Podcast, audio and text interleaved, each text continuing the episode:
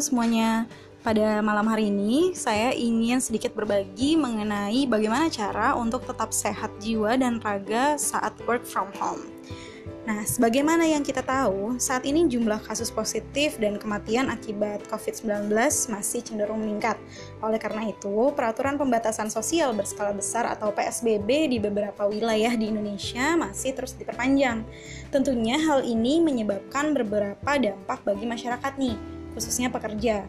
Nah, demi mengurangi penyebaran COVID-19 ini, banyak perusahaan memperbolehkan karyawannya untuk bekerja dari rumah atau work from home awal-awal kerja dari rumah pasti kebanyakan orang euforia ya senang karena tidak perlu berangkat ke tempat kerja terutama mungkin yang tempat kerjanya jauh harus bangun pagi-pagi gitu ya tapi lama kelamaan bekerja dari rumah ternyata bisa jadi perkara yang sulit nih dan membuat kita lupa menerapkan pola hidup sehat.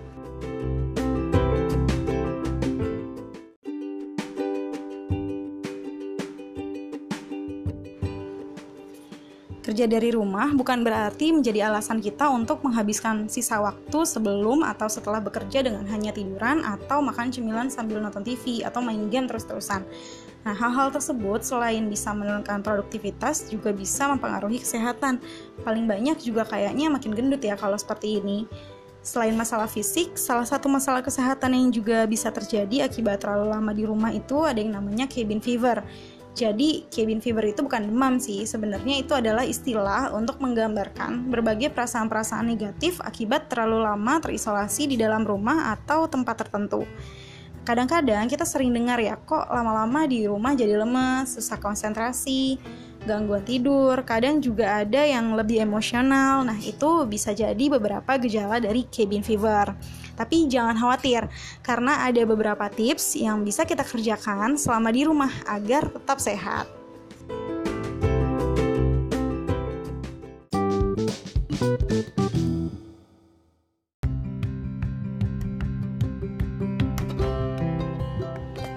Tips yang pertama adalah sebelum jadwal kerja dari rumah berlangsung, tetap bangun pagi seperti biasa kalau mau jalan pagi di dekat-dekat rumah silahkan, tapi tetap terapkan physical distancing dan pakai masker ya. Yang kedua, jangan lupa buat rutinitas harian. Jangan sampai kerja dari rumah ini malah waktu istirahat jadi tidak ada dan lembur tanpa disadari, ataupun sebaliknya malah terlanjur santai. Jadi, usahakan untuk produktif di jam kerja dan berhenti bekerja ketika jam kerja sudah usai.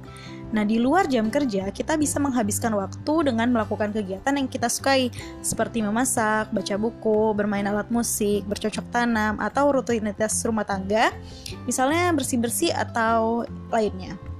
Nah, kalau mau belanja bahan makanan, silahkan. Tapi tetap menjaga diri dari penularan COVID-19 dengan memastikan diri dalam keadaan sehat. Hindari berbelanja di jam-jam sibuk, kenakan masker, bawa hand sanitizer yang tentunya mengandung alkohol minimal 60% ya. Kemudian jaga jarak dengan orang lain dan beli stok bahan makanan untuk dikonsumsi 1-2 minggu ke depan. Tapi jangan panic buying atau membeli secara berlebihan, serta sebisa mungkin bayar dengan metode non-tunai. Nah, kemudian tetap jaga komunikasi dengan orang lain. Adanya PSBB itu bukan menjadi alasan kita untuk tidak berinteraksi dengan orang terdekat ya. Kita bisa tetap rutin mengobrol lewat telepon atau video call. Berbagi cerita mengenai apa yang kita rasakan dengan orang terdekat juga bisa menjadi cara untuk melegakan hati dan mendapatkan solusi dari masalah yang sedang kita hadapi. Selanjutnya, jangan lupa konsumsi makan makanan bergizi.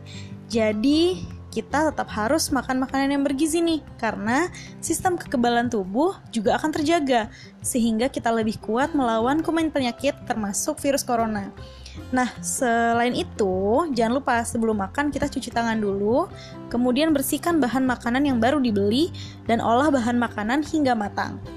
Nah, dan yang terakhir nih, kita harus tetap rutin berolahraga. Saat ini udah banyak kan senam-senam tertentu yang bisa dilakukan uh, dengan panduan tutor online. Jadi jangan lupa untuk olahraga secara teratur minimal 30 menit sehari.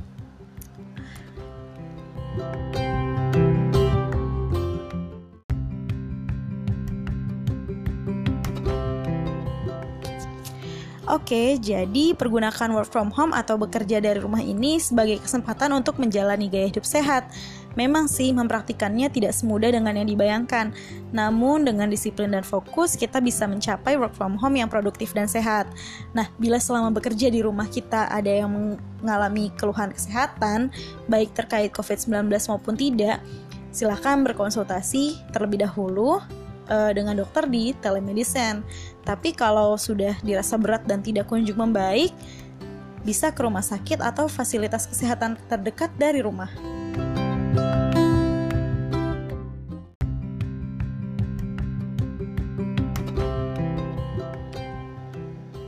Sekian podcast tag kita kali ini. Semoga bisa bermanfaat ya untuk kita semua. Sampai jumpa di topik podcast tag selanjutnya.